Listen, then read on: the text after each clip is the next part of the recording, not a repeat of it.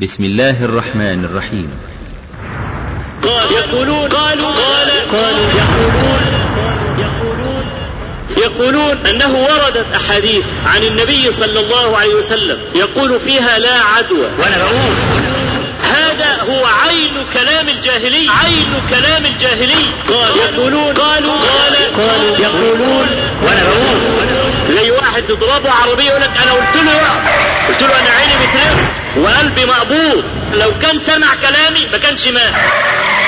عين كلام الجاهلي. كلام الجاهلي. الله عز وجل نهى الذين آمنوا أن يقولوا هذا الكلام أو أن يعتقدوه. يا ايها الذين امنوا لا تكونوا كالذين كفروا قال يقولون قالوا قال قالوا الذين كذبوا احاديث لرسول الله صلى الله عليه وسلم بدعوى انها تعارض الحس والواقع وتعارض احاديث أخرى هؤلاء يحتقرون علماء الشريعه ولا يقيمون لهم وزن براءة الشريعة من التناقض أقول لكم دي كلها عباره عن متخلفات ينبغي أن تزول. أي ظلم؟ واحد بيتهكم بهذا الحديث؟ أي ظلم؟ فلما ياتي هؤلاء يتجاهلوا ما بذله علماء المسلمين وتعبوا عليه وصنفوا كتبا مستقلة لهذا النوع. أقول لكم الله عز وجل نهى الذين آمنوا أن يقولوا هذا الكلام أو أن يعتقدوه. يقولون. قالوا قال قالوا يقولون. يقول يعني اذا مطلوب بقى ناكل اللحمة نية. أقول لكم. يا أيها الذين آمنوا لا تكونوا كالذين كفروا. أقول لكم. يوشك أن تنزل عليكم حجارة من السماء. حجارة من السماء. براءة الشريعة من التناقض إن صدق كلام النبي صلى الله عليه وسلم لا يخضع للتجربة. هو صادق وإن جهل أهل الأرض جميعا حقيقة كلامه. قال تعالى, قال تعالى فلا رفث ولا فسوق ولا جدال في الحج. بيشربوا جوزة على جبل الرحم بيشربوا جوزة في عرفات. في هذا اليوم العظيم الذي يتجلى رب العالمين فيه للخلق ويباهي بهم الخلق وهم يبارزونه بالسجائر والجوزة والمعسل والكلام. الحمد لله والصلاة والسلام على رسول الله صلى الله عليه وآله وسلم وبعد. عبر تسجيلاتنا في دار المنار للإنتاج الإسلامي والتوزيع نقدم لكم هذه المجموعة. براءة الشريعة من التناقض وهي لفضيلة الشيخ أبي إسحاق الحويني. وقد ألقيت هذه المجموعة بمسجد شيخ الإسلام ابن تيمية بكفر الشيخ في أوائل شهر شعبان من عام ألف وأربعمائة وأربع وعشرين من الهجرة والذي يوافق أوائل شهر أكتوبر من عام ألفين وثلاث من الميلاد. والآن نترككم مع الشريط الأول من هذه المجموعة. إن الحمد لله تعالى نحمده ونستعين به ونستغفره ونعوذ بالله تعالى من شرور أنفسنا وسيئات أعمالنا. من يهد الله تعالى فلا مضل له ومن يضلل فلا هادي له. وأشهد أن لا إله إلا الله وحده لا شريك له. وأشهد أن محمدا عبده ورسوله. يا أيها الذين آمنوا اتقوا الله حق تقاته ولا تموتن إلا وأنتم مسلمون. يا أيها الناس اتقوا ربكم الذي خلقكم من نفس واحدة وخلق منها زوجها وبث منهما رجالا كثيرا ونساء واتقوا الله الذي تساءلون به والأرحام إن الله كان عليكم رقيبا يا أيها الذين آمنوا اتقوا الله وقولوا قولا سديدا يصلح لكم أعمالكم ويغفر لكم ذنوبكم ومن يطع الله ورسوله فقد فاز فوزا عظيما. أما بعد فإن أصدق الحديث كتاب الله تعالى وأحسن الهدي هدي محمد صلى الله عليه وآله وسلم وشر الأمور محدثاتها وكل محدثة بدعة وكل بدعة ضلالة وكل ضلالة في النار. كان من المفترض أن أكمل فوائد قصة موسى والخضر عليهما السلام ولكن حدث شيء جعلني أتوقف قليلا حتى أعالجه. الحرب على الإسلام أصولا وفروعا بدت جلية لا خفاء فيها والذين كانوا يستترون ويجمجمون ولا يصرحون بهذا الطعن خرجوا من جحورهم بمنتهى الحرية بعد ظهور ما يسمونه بالسماوات المفتوحة أو ما أسميه أنا بالفضائحيات. هذه الفضائحيات مسموح لكل إنسان أن يقول رأيه حتى في رب العالمين. ما تقول في رب العالمين؟ فيقول ما يشاء من باب الحرية ثم يقال لك حق الرد مكفول إن شئت رددت عليه. ونحن لا نحجز كلامه كما لا نحجز كلامك. فإن الحرية تقتضي أن يبوح المرء بما في صدره. هذا أيها الإخوة كما قلت مرارا وأقول وسأقول إن شاء الله ما دمت قادرا على القول. هذا من سنة الدفع التي لا تصلح الحياة إلا بها. ولولا دفع الله الناس بعضهم ببعض لفسدت الأرض. أي أن هذا التدافع بين الحق والباطل ضرورة لازمة لاستمرار الحياة. وأن أهل الحق إذا استراحوا وناموا ضاعت قضيتهم. وأنه لا مخلص أن يظل الحق في الذروة إلا أن يكون الباطل نشطا أيضا. القصة أن في بعض هذه الوسائل برنامج اسمه منزلة العقل في الإسلام. وأنا عندما أتعرض لمثل هذا الكلام فليس جديدا لأنني واقف على هذا الثغر من قديم. لكن المدهش في المسألة أن يؤتى بالشيوخ المدجنين المستأنسين الذين آنسوا منهم الموافقة واستخدموه. والإشكال الآخر أن الذين يستمعون لهذه الفضائحيات بالملايين وكثير منهم يسمى بالمثقفين من أرباب الصناعات المختلفة والمناصب الكبيرة الخطيرة. والموضوعات التي طرحت موضوعات شائكة تحتاج إلى دراسة وعلم. فلقد ظللت طيلة الأسبوع الماضي. أدعو الله عز وجل أن يلهمني رشدي وأن يسدد لساني في بسط القضية بأسلوب سهل يسير يفهمه جماهير المسلمين.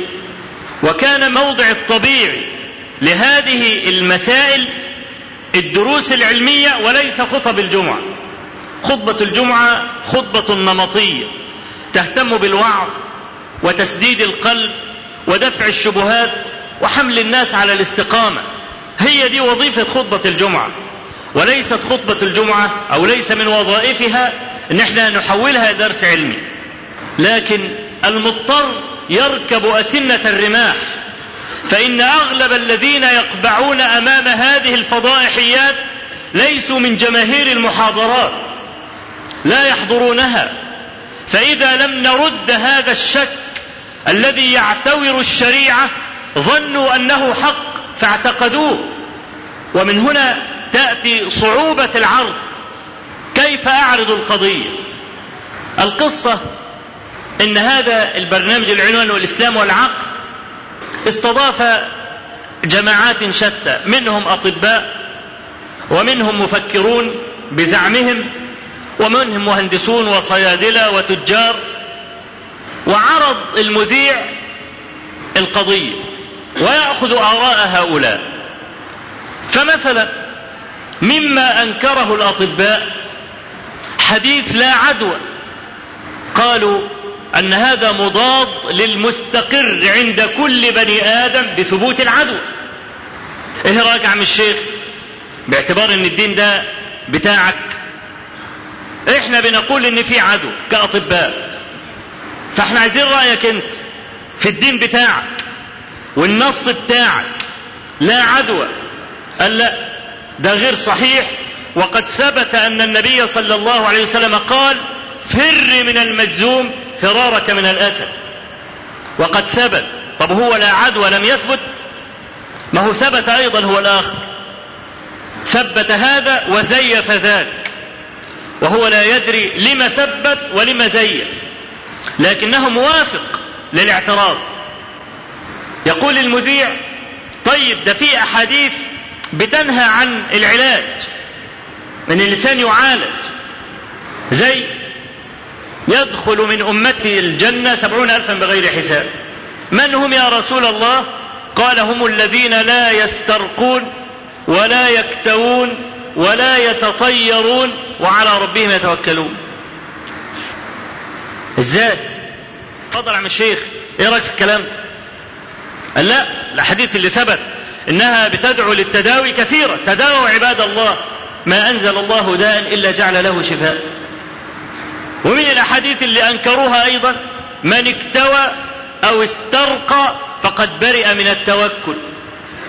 قال لك الحديث ده مكذوب.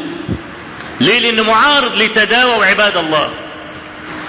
طائفة أخرى تتكلم من جماعة المفكرين تتكلم عن أحاديث متعارضة. حديث عمرو بن العاص اللي هو في صحيح مسلم لما كان بيجود بنفسه بيموت فعبد الله بن عمرو ابنه قال يا أبت ألم يبشرك النبي صلى الله عليه وسلم بكذا وكذا؟ فاستراحت نفسه ونطق فقال إني كنت على أطباق ثلاث حياتي كلها ثلاث مراحل. من ضمن المراحل دي قال وما كان أحد أشد بغضا إلي من رسول الله صلى الله عليه وسلم ولا أحب إلي من أن أكون استمكنت منه فقتلته. فلئن مت على هذا الحال لكنت من أهل النار. ثم أسلمت فجئت النبي صلى الله عليه وسلم فقلت يا رسول الله أبسط يدك فلأبايعك فبسط يده فقبضت يدي. قال ما لك يا عم؟ قلت أردت أن أشترط. قال تشترط بماذا؟ قلت أشترط أن يغفر لي. قال يا عم أو ما علمت أن الإسلام يهدم ما قبله؟ قال لك ده معارض لحديث ابن مسعود في الصحيحين. أن النبي صلى الله عليه وسلم قال من أساء في الإسلام أخذ بالأول والآخر. إذا كان مرتكب لأشياء في الجاهلية تيجي عليه. إذا أساء في الإسلام قال لك إزاي؟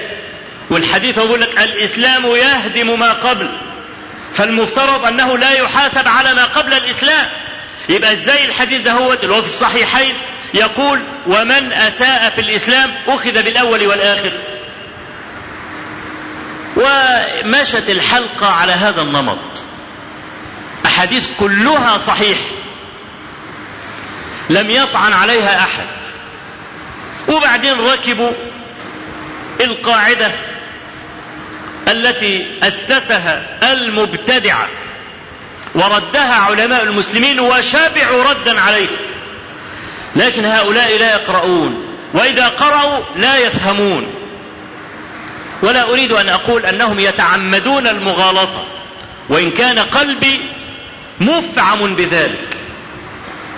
يقول إن العلماء أسسوا قاعدة باطلة اسمها لا عقل مع النقل ولا اجتهاد مع النص. إزاي لا عقل مع النقل والعقل مناط التكليف؟ يعني عايزني أقرأ الحديث واسلم به حتى وإن رفضه عقلي؟ الكلام ده كلام غير صحيح. ويعني إيه لا اجتهاد مع النص؟ يعني آخد النص ولا أجتهد في فهم النص؟ إيه الكلام ده؟ أمور يضحك السفهاء منها ويبكي من عواقبها اللبيب. أيها الإخوة المسألة في غاية الخطورة لأنها كل يوم تزداد بقوة. وتفتح ألوف القنوات المرئية والمسموعة والمكتوبة على مصراعيها لأمثال هؤلاء مع قلة الذابين عن دين الله. وأنا لا أقول هذا تيئيسا فإن الله ناصر دينه بنا أو بغيرنا. ونسأل الله أن يستعملنا لنصرة دينه. وإلا فقد هدد الله عز وجل المتقاعسين عن القيام بهذا الواجب.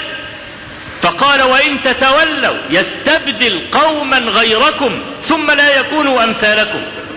كما استعمل الصحابة مع قلتهم في نصر دينه وانتصروا وكانت لهم دولة في عشر سنوات. وهذا ما لم يحدث لأمة من الأمم من لدن آدم عليه السلام إلى وقت كلام هذا. ما علمنا في الدنيا كلها جيلا من الأجيال في أمة من الأمم كانت له دولة في عشر سنوات. إلا الصحابة مع رسول الله صلى الله عليه وسلم. ابتداء. لا يوجد تعارض قط بين نصين صحيحين. ابدا. إنما التعارض شيء يقوم في ذهن القارئ أو في ذهن المستمع. وإنما نشأ التعارض لجهله بالإحاطة بالمعنى. المساله دي مسألة النقل عايزة حفظ. وزمان الحفظ ولا وأصبح المرء يعتمد على الفهارس. ويعتمد على البرمجيات الحديثة في الحصول على المعلوم. بخلاف علمائنا المتقدمين. الإمام أحمد بن حنبل كان يحفظ ألف ألف حديث مليون حديث. والمقصود بالحديث الحديث المرفوع للنبي صلى الله عليه وسلم وفتاوى الصحابة والتابعين وتابعيهم كل كلام يحكى بسند اسمه حديث. كان يحفظ ألف ألف حديث. البخاري كان يحفظ ثلاثمائة ألف. كان البخاري يحفظ مائة ألف حديث صحيح ومائتي ألف حديث غير صحيح. وكان الحفظ فاشل في الأمة. فكان من السهل على من أراد أن يفتي أن يجمع في ثوان معدودة أطراف القضية من خلال النصوص الواردة. فلا يوجد مطلقا نصان صحيحان متعارضان ابدا. بل لا بد أن يكون هناك علة في أحد النصين أو أن التعارض قائم في ذهن المجتهد. والمعاني أيها الإخوة تنقسم إلى قسمين. الدلالات تنقسم إلى قسمين. أي كلام يدل على معنى. كل كلام يدل على معنى. الدلالة دي على قسمين. قسم العلماء يقولون إنه دلالة قطعية وقسم يقولون فيه إنه دلالة ظنية. دلالة قطعية يعني إيه؟ يعني لا يختلف اثنان في فهم المعنى المراد من الكلام. كقوله تعالى ولكم نصف ما ترك أزواجكم إن لم يكن لهن ولد فهذا معناه أن الرجل إذا ماتت امرأته ولم يكن لها ولد فله نصف ما تركت هذه المرأة الآية دي محتملة المعنى تاني لا. واضح؟ ولذلك لم يختلف أحد في فهمها. الزانية والزاني فاجلدوا كل واحد منهما مئة جلد. النص ده لم يختلف فيه أحد في عدد الجلد. مئة جلد. مفيش حد في الدنيا يقول مية تساوي تسعين أو تساوي مية وعشر فهذا النص دلالته قطعية. قطعية يعني إيه؟ يعني لم يختلف أحد فيه. مقطوع بمعناها. في الهدي الذي لا يجد هديا. فعليه أن يصوم ثلاثة أيام في الحج ويصوم سبعة إذا رجع إلى بلده. قال تعالى تلك عشرة كاملة. ده نص قاطع بعدد الأيام التي يصومها من لا يجد هديا كل النصوص التي وردت على هذا المعنى العلماء يسمونها قطعية الدلالة يعني مفروغ من الكلام فيها وكلنا متفقين عليه. يبقى القسم الآخر وهو أغلب ما يرد عليه الاعتراض وهو ما كان ظني الدلالة. يعني إيه ظني الدلالة يعني يحتمل معنى واثنين وثلاثة وأربعة. بحيث أنك ترجح معنى ويرجح غيرك معنى آخر ويرجح ثالث معنى ثالث. سموه ظن ليه؟ بالنسبة للاختلاف ليس قطعيا. لاحتمال أن يكون الرأي الذي ذهب إليه الآخر هو الأقوى. وده له أسباب كثيرة لا مجال للتعرض لها. لكن نضرب لذلك بعض الأمثلة. كقول الله تبارك وتعالى والمطلقات يتربصن بأنفسهن ثلاثة قروء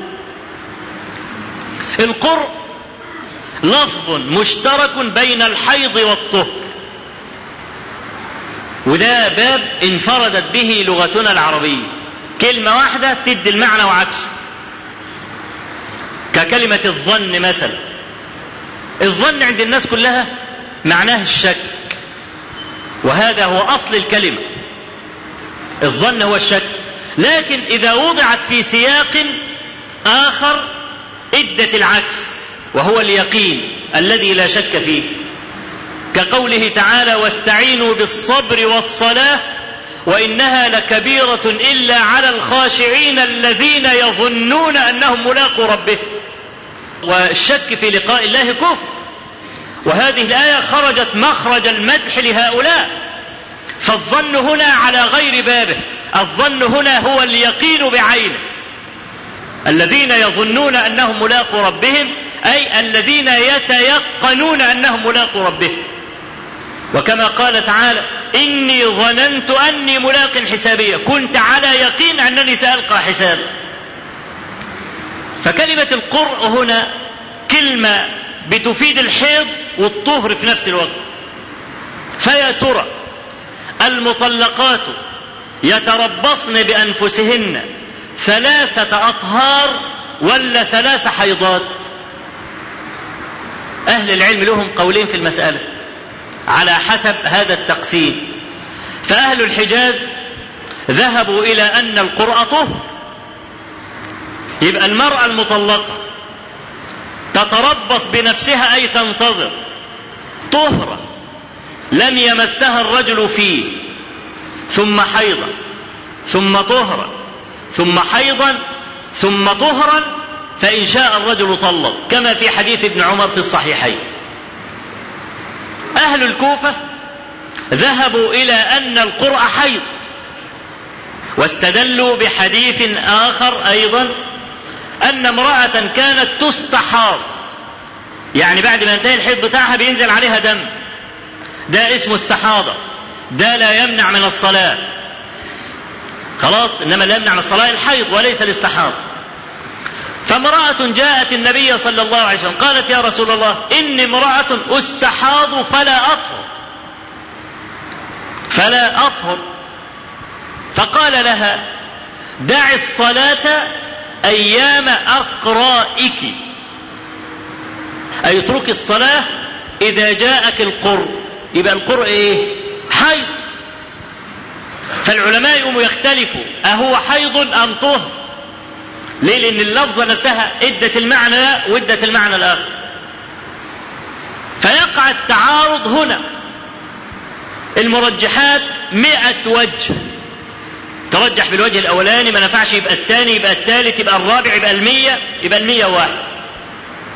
لكن هذا يحتاج إلى علم وإلى علماء ما يحتاج إلى جهلاء. رجل طبيب بيتكلم في الحديث. لا هو يتكلم في الطب. وكل أصحاب فن يعرفون بالضرورة فنهم وعلمهم. ولا يجوز عند كل بني آدم العقلاء منهم أن يدخل رجل على علم لا يحسنه ولا يتقنه.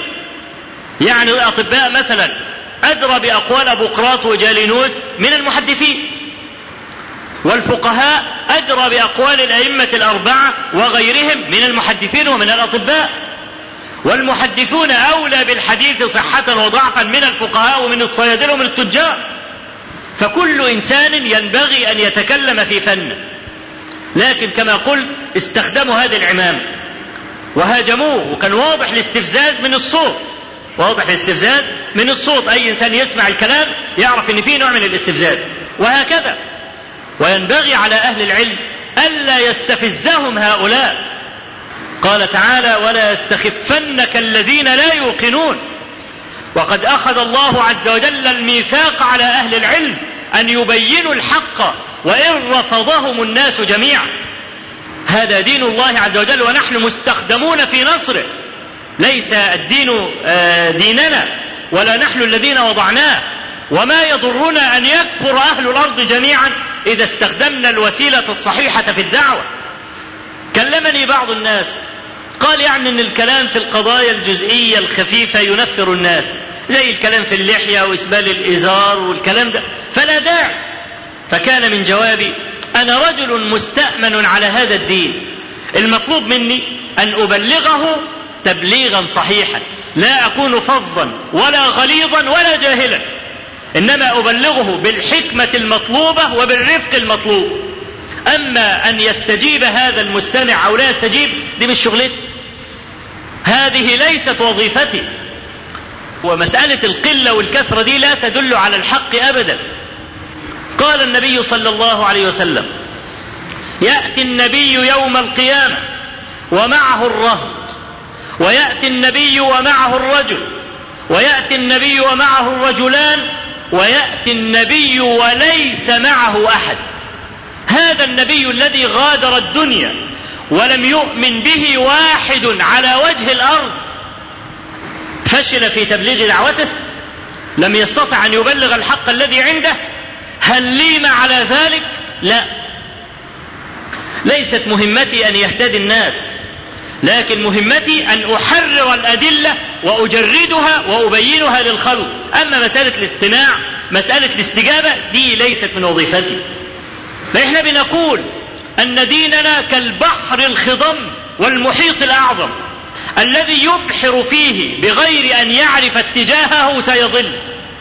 كالذي يركب البحر ولا يعرف اتجاهه سيغرق سيبتلعه البحر ولا يستطيع أن يرجع إلى النقطة التي بدأ منها. لأجل هذا إحنا بنقول للجماهير احذروا الفضائحيات وليكن لك مفتيك الخاص الذي تعرفه وتعرف دينه وأمانته أيا كان هذا المفتي. لا نحجر عليك ولا نسمي لك أسماء لا تستفتي غيرها. فإن الخير منثور في الأمة بحمد الله تعالى. مسألة التعارض في النصوص بذل علماؤنا المتقدمون جهدا كبيرا في التوفيق بين الأحاديث التي ظاهرها التعارض. يعني من الأشياء التي ذكروها في هذه الحلقة. قالوا واللي طبعا قال الكلام ده هذا الرجل لأن الباقين لا يعرفون والمأساة من هنا أنه يتطوع فيكشف لهم بغير حق نصوص أخرى لا يعرفونها يقول إنها متعارضة. وهم لا يعرفون هو اللي بيتطوع بكشف المسألة. مع أن النبي صلى الله عليه وسلم نهى عن بيع السلاح في الفتنة. يعني ناس بيقتتلوا في الشارع وأنا راجل فاتح محل سلاح أو محل سكاكين. فجاني واحد بيجري اديني سكينة. أو اديني رشاش. النبي صلى الله عليه وسلم قال يحرم عليك أن تبيع الرشاش أو السكين لهذا الإنسان. ليه؟ لأنه سيستخدمه في هذا القتال. ولا تقل سأعطيه ليدافع عن نفسه. فإنك لا تدري دي فتنة. وأنت ما تعرف أيبدأ مهاجنا أم يدافع عن نفسه؟ يبقى لا يحل لك أن تبيع السلاح في الفتنة فهذا الرجل باع الأدلة التي ظاهرها التعارض لهؤلاء الحانقين على الإسلام. فكان من جملة ما قال وبئس ما قال. إن مرة صحابي كان نايم على العباية بتاعته عاملها مخد فجاء لص ظريف خفيف متقن لعمله استل العباءة من تحت دماغه. ولم يشعر النائم إلا وآخر العباية بحك في ودانه فالتفت فإذا لص يسرق العباءة جرى وراه مسكه وبعدين رافعه للنبي عليه الصلاة والسلام. قال له الراجل ده أنا حاطط العباية تحت دماغي سرق العباءة قال هاتوا نقطع إيده فأسقط في يد الصحابي اللي بن أمية. العباية ب 30 درهم. قال تقطع يده لثلاثين درهما؟ فقال يا رسول الله وهبتها له. خلاص مش عايز العباية ده إيده هتروح في 30 درهم. خلاص ياخد. فقال صلى الله عليه وسلم له هل قبل أن تاتيني الكلام ده كنت تعملوه مع بعض قبل أن تاتيني تسامحه لكن أول ما يرفع الكلام إلى الحاكم لا يجوز له مطلقا أن يسقط هذا الحد لأنه حق الله تعالى. وأمر به فقطعت يده. قال إن ده معارض. لحديث بسر بن أرطات أن النبي صلى الله عليه وسلم نهى عن إقامة الحدود في الغزو. نهى عن إقامة الحدود في الغزو. فقال لك الحديث ده غير صحيح. ليه؟ قال لك لأن إقامة الحد حق الله تعالى. ولا يجوز إسقاط الحد عن أحد. السؤال اللي ممكن يسأله أي طالب علم متوسط الذكاء من الذي أسقط الحد؟ أليس رسول الله صلى الله عليه وسلم؟ الذي لم يسقطه في المرة الأولى. هو من اللي أسقط الحد. الكلام ده لو جاء باجتهاد مني ثم ترد علي بالكلام ده. لكن الذي أسقط الحد في الغزو هو رسول الله صلى الله عليه وسلم. وهو صاحب الشرع. فله أن يسقط هذا هنا وأن لا يسقطه هنا. أنت مالك؟ الكلام ده يرد لو أنا اللي أسقطته باجتهاد مني أقول لك آه لا اجتهاد مع النص. هو ده الكلام اللي يرد. لكنه يأتي بهذا الجهل البالغ عشان يضرب حديثين ببعض مع إنه لا مشاحة ولا منافاة بينهما على الإطلاق. إنما نهى صلى الله عليه وسلم أن تقام الحدود في أرض العدو حتى لا يلتحق المحدود بأرض العدو غضبا وانفا. واحد في المعركة سرق شيئا من متاع جندي آخر. اقطع ايده طب إيده دي أنا محتاجها. لأنه سيقاتل عدوا. وبعدين ربما يغضب من قطع يده فيلتحق بأرض العدو التي هو بجوارها حمية وانفا فتأخير الحد في أرض العدو كان لمصلحة المسلم حتى يحتفظ بإسلامه. والوليد بن عقبة لما لما شرب الخمر في غزوة من الغزوات أرادوا أن يحدوه يقيموا عليه الحد. من الذي اعترض؟ حذيفة بن اليمان. فقال أتحدون أميركم؟ وأنتم متاخمون لعدوكم فيطمعون فيكم؟ أنا جايب الرئيس بتاعي وعمال أضربه. العدو لما يعرف ان أنا ماسك الرئيس وبجلده. يبقى نحن قوم بلا رأس كارهون لرأسنا اللي هو بيخطط واللي بيدبر واللي بيدي الأوامر ومعروف إن دايما الرؤوس بتحاط بهالة من الكتمان. يبقى عنده سرطان وهيموت بعد خمس أيام مثلا ست أيام سبع أيام عشر أيام زي ما ربنا يقدر يقول لك مصاب بإنفلونزا عارضه ما يقدرش يقول إن عنده المرض الفلاني. ليه؟ لأن ده بيترتب عليه أشياء خطيرة. لا سيما من خصومك وأعدائك. النبي عليه الصلاة والسلام في مؤتة لما أمر جعفر بن أبي طالب. طيب إن قتل جعفر يبقى زيد إن قتل زيد يبقى ابن رواحة قتل ابن رواحة. بحيث تظل الرايه مرفوعه لماذا؟ لأن الناس كلها بتتجه أنظارها إلى الرايه كل الجنود إذا سقطت الراية اللي زي العالم النهارده كده بيعتبروا إن الجيش انهزم. فيقول هذا من فقه الصحابة رضي الله عنهم. إحنا هنجلده صحيح بس أما نرجع. فقصارى ما في المسألة؟ تأخير الحد لمصلحة المحدود حتى لا يلتحق بالعدو غضبا. وحمية وأنفا ومثل هذا عمر بن الخطاب رضي الله عنه لما أسقط حد السرقة في عام الرماد. بعض الناس بيتصور أن عمر بن الخطاب أسقط الحد وهذا غير صحيح. ليس من حق أحد قط أن يسقط ما فرضه الله. أبدا. لا باجتهاد ولا بغيره إنما عمر بن الخطاب قال من سرق شيئا في هذه الحالة فليس بسارق. عام الرمادة عام مجاعة عام.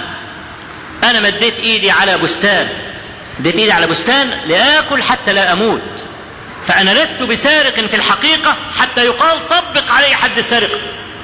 حد السرقة كان موجودا ولم يسقطه عمر رضي الله عنه. إنما كل ما في المسألة قال من سرق شيئا فليس بسارق على الحقيقة حتى أطبق عليه الحد. الكلام له مخارج معروفة عند أهل العلم والعلماء تكلموا بكلام طويل على مثل هذه المسائل. فلما يأتي هؤلاء يتجاهلوا ما بذله علماء المسلمين وتعبوا عليه وصنفوا كتبا مستقلة لهذا النوع. أول من علمته صنف في هذا الباب الشافعي رحمه الله له كتاب اسمه اختلاف الحديث. الأحاديث التي ظاهرها يوهم تعارضا.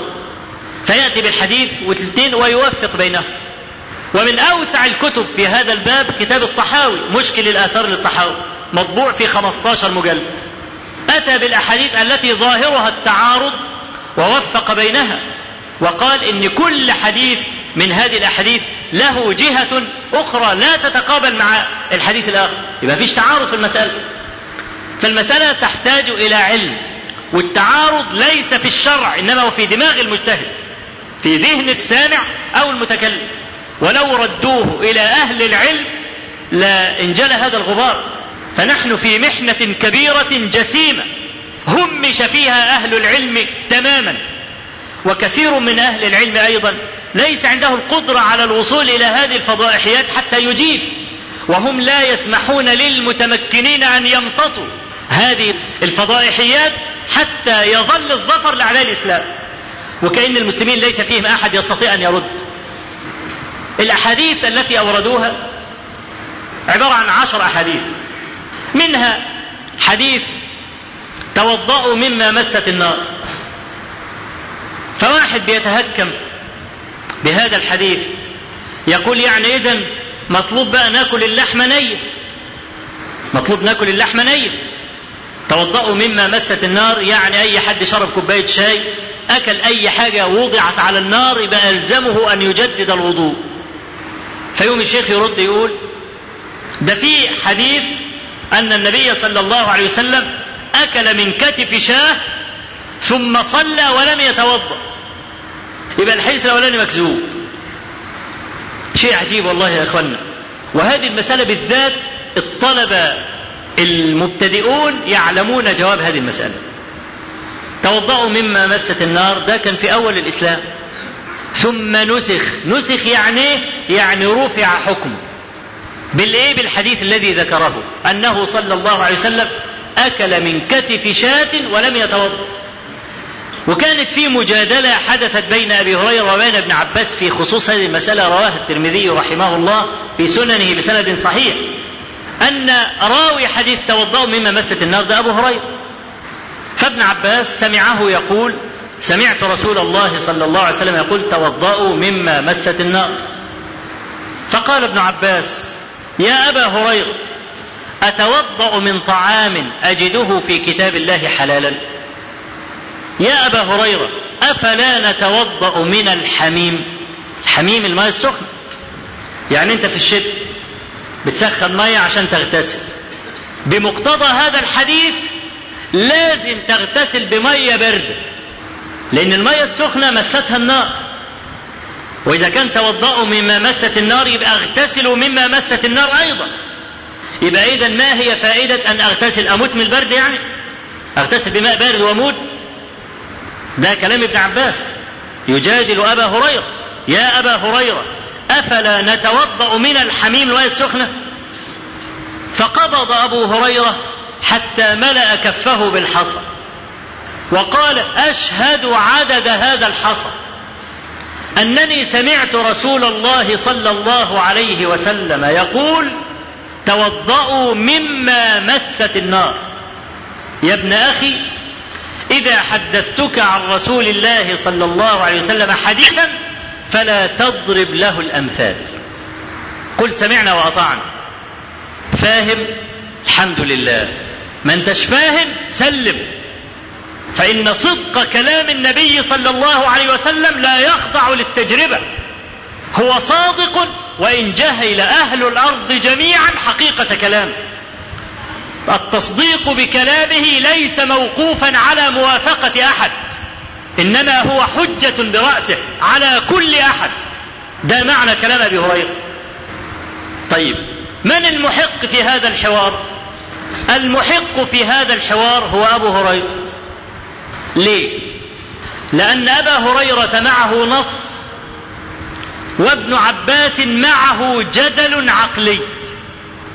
لو أن ابن عباس قال له يا أبا هريرة إني رأيت رسول الله صلى الله عليه وسلم أكل من كتف شاة فقام وصلى ولم يتوضأ لسكت أبو هريرة.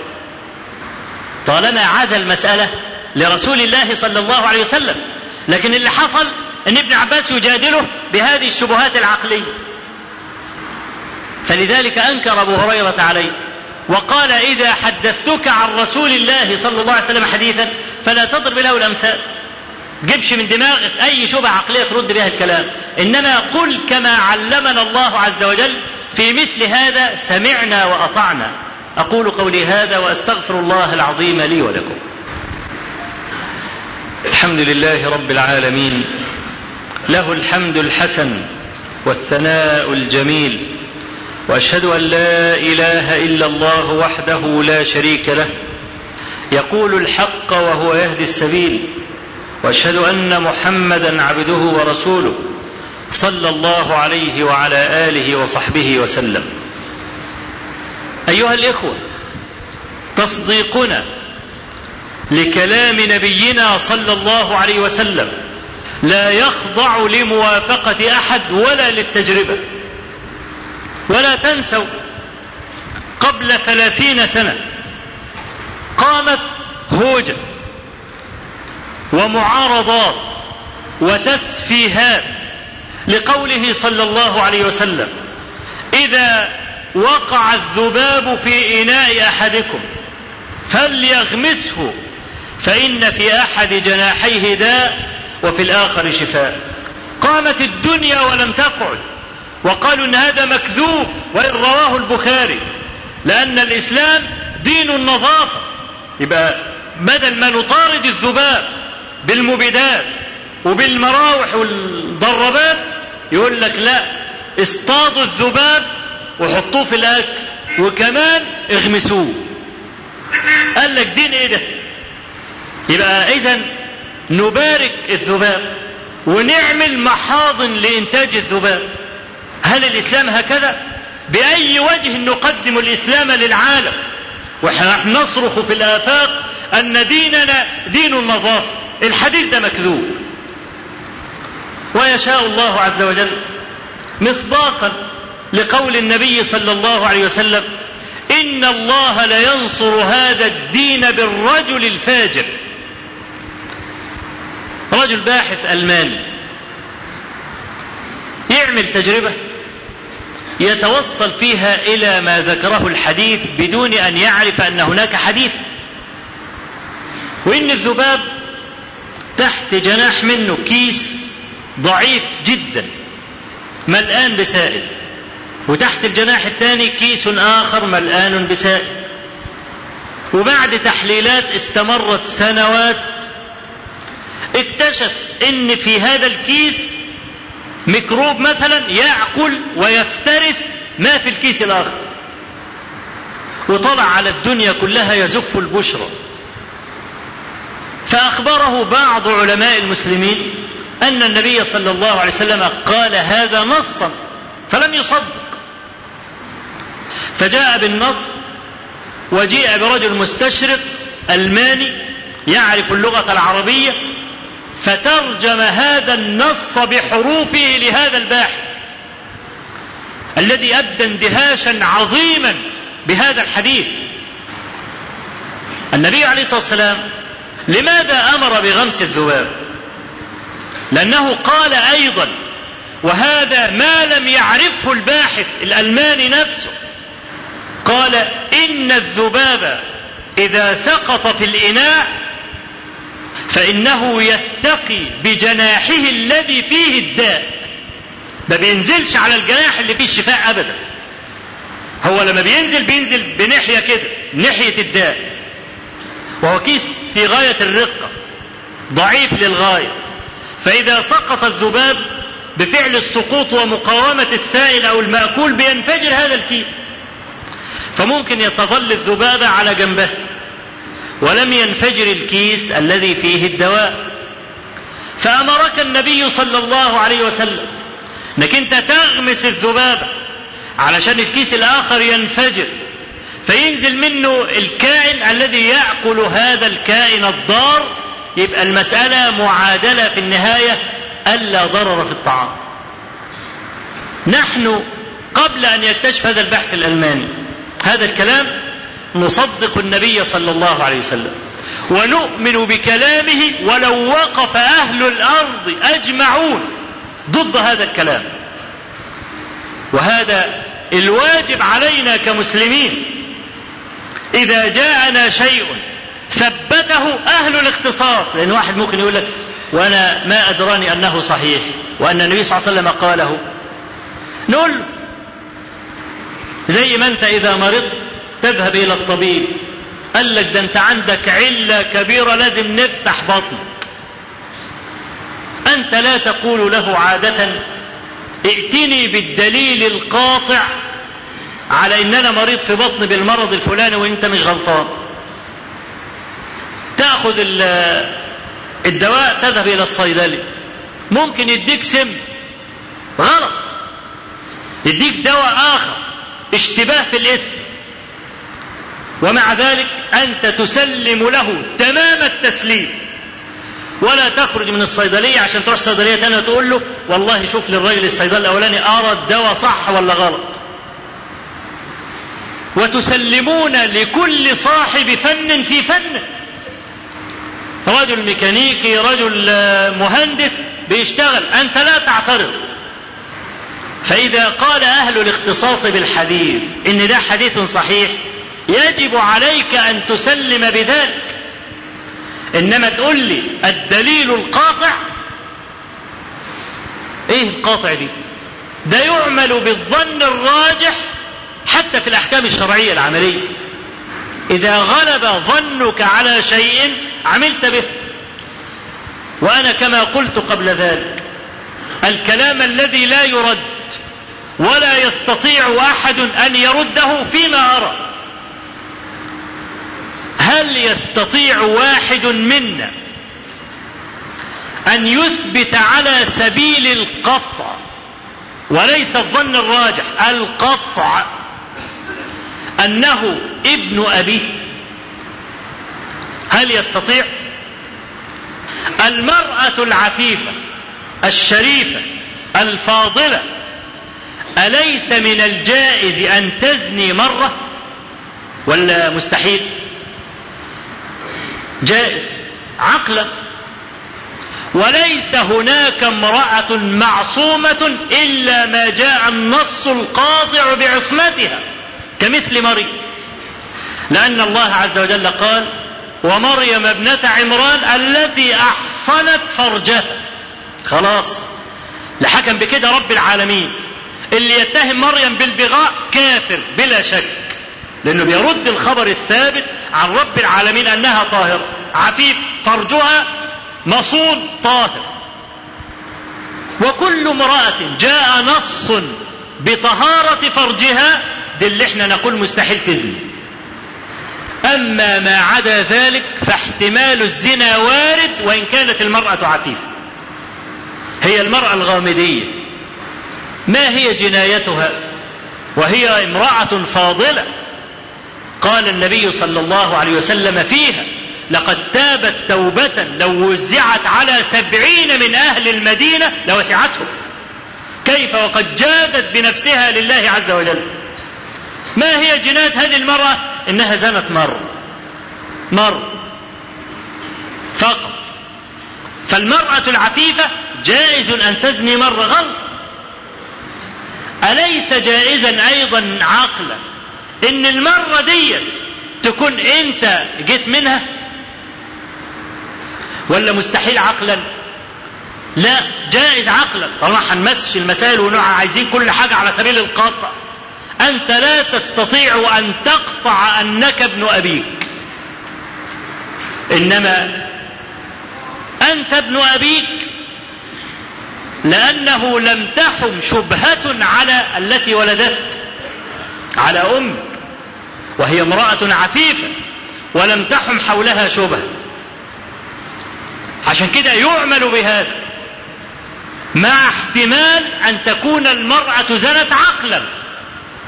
إحنا إذا مشينا المسائل بهذه الصورة خربت الدنيا قبل الآخرة. فلماذا كلما اعتدوا على السنة طلبوا الدليل القطعي؟ اشمعنى يعني؟ الدليل القطعي في كلام النبي عليه الصلاة والسلام وإلا يرد. قلت لكم هي حرب سافرة سافلة ليس عند أهلها حياة لأنه بيعارض الواضحات بمنتهى البجاحة ثم يأتي يقول لا عقل مع النقل. لا عقل مع النقل أيها الإخوة مقصود العلماء الأكابر أن مرتبة العقل في المرتبة الثانية بعد النقل مش إن إحنا بنلغي العقل. يعني مثلا رجل توضأ ثم أحدث فأخرج ريحا. الشرع يقول لك إيه؟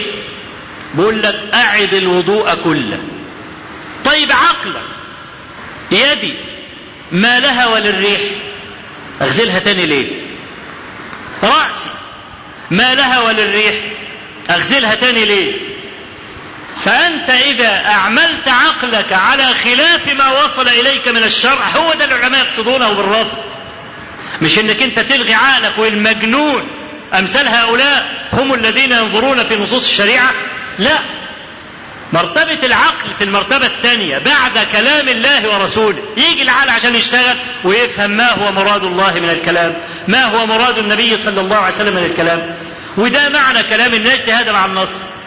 يعني إذا سئل مفتي رجل صلى من الصبح ركعة وأشرقت عليه الشمس أيتم صلاته؟ قال بطلت صلاته. فهذا اجتهاد على خلاف كلام صاحب الشرع الذي قال فليتم صلاته. ولو أن رجلا سئل فقيل له رجل أدرك من الجمعة ركعة. ما حضرش الخطبة. والركعة الأولى راحت عليه لكن أدرك الركعة الثانية. أله جمعة؟ فإذا قال لا جمعة له كان اجتهادا على خلاف النص. لأن النبي صلى الله عليه وسلم قال من أدرك من الجمعة ركعة فقد أدرك. أي فقد أدرك الجمعة. فليأتي بركعة أخرى. إنما إذا فاته الركوع الثاني من صلاة الجمعة فليصلها ظهرا لأنه ما أدرك الجمعة. فيبقى ده اجتهاد على خلاف النص. هذا المقصود بالكلام. لو أن رجلا سئل فقيل له رجل نظر في بيت آخرين بغير إذنهم فخرج صاحب البيت ففقأ عينه. أهذا عليه دية؟ فلو قال نعم عليه دية العين لكان مجتهدا على خلاف النص الذي ورد عن النبي صلى الله عليه وسلم أنه رأى رجلا ينظر في بعض حجر زوجاته وكان بيده مشقص آلة حد زي المقص كده فقال لو أدركتك؟ لفقأت عينيك ولا دية لك. إنما جعل الاستئذان من أجل البصر. فأهدر النبي صلى الله عليه وسلم عين هذا الناظر ولم يجعل فيها الدية. فلو قال قائل فيها دية العين لكان اجتهادا على خلاف النص. فهو هدر قطعا. أدي معنى كلام العلماء لا اجتهاد مع النص. مش إنك أنت تاخد النص ولا تعمل اجتهادك وعقلك فيه. فالخلاصة أن العلماء جعلوا العقل في المرتبة الثانية بعد النقل. أما هؤلاء فجعلوا العقل اولا ثم جعلوا كلام الله ورسوله ثانيا. فإذا تعارض كلام الله ورسوله مع عقول هؤلاء ردوا كلام الله ورسوله. هذا الموضوع كله. وإلا فليس هناك عقل صحيح يخالف نصا صحيحا ابدا. ثم عقلك أم عقلي؟ أيهما يقدم على الآخر؟ كل واحد يقدم عقل. طيب اختلفت أنا وأنت. من يقضي بيننا؟ عقل ثالث. أليس من الجائز أن يأتي العقل الثالث بقول ثالث؟ لا القول الأولاني ولا الثاني. هو جاب قول ثالث. فمن الذي يقضي بيننا؟ عقل الرابع. أليس من الجائز أن يأتي العقل الرابع بقول الرابع؟ وهكذا دواليك من الذي يقضي بين هؤلاء؟ ينبغي إذا كنا هنتكلم بالعقل أن يقضي بينهم عقل يستوعب كل العقول. وهذا ليس لأحد قط إلا لرسول الله. صلى الله عليه وسلم الذي ينبغي أن يكون الحاكم على كل هؤلاء. فرجعنا مرة أخرى إلى تقديم كلامه على عقول الناس جميعا. فنحن لو أردنا أن نستمر معهم في مسألة العقل لوصلنا في النهاية إلى أن الحاكم على كل هؤلاء هو رسول الله صلى الله عليه وآله وسلم. اللهم اغفر لنا ذنوبنا وإسرافنا في أمرنا وثبت أقدامنا وانصرنا على القوم الكافرين. اللهم اجعل الحياة زيادة لنا في كل خير واجعل الموت راحة لنا من كل شر.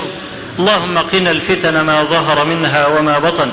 اللهم لا تجعل الدنيا أكبر همنا ولا مبلغ علمنا ولا تجعل مصيبتنا في ديننا. ولا تسلط علينا بذنوبنا من لا يخافك ولا يرحمنا. رب آت نفوسنا تقواها وزكها أنت خير من زكاها. أنت وليها ومولاها. اللهم اغفر لنا هزلنا وجدنا وخطأنا وعمدنا. وكل ذلك عندنا. أخي الكريم تتمة هذه المادة على الشريط التالي.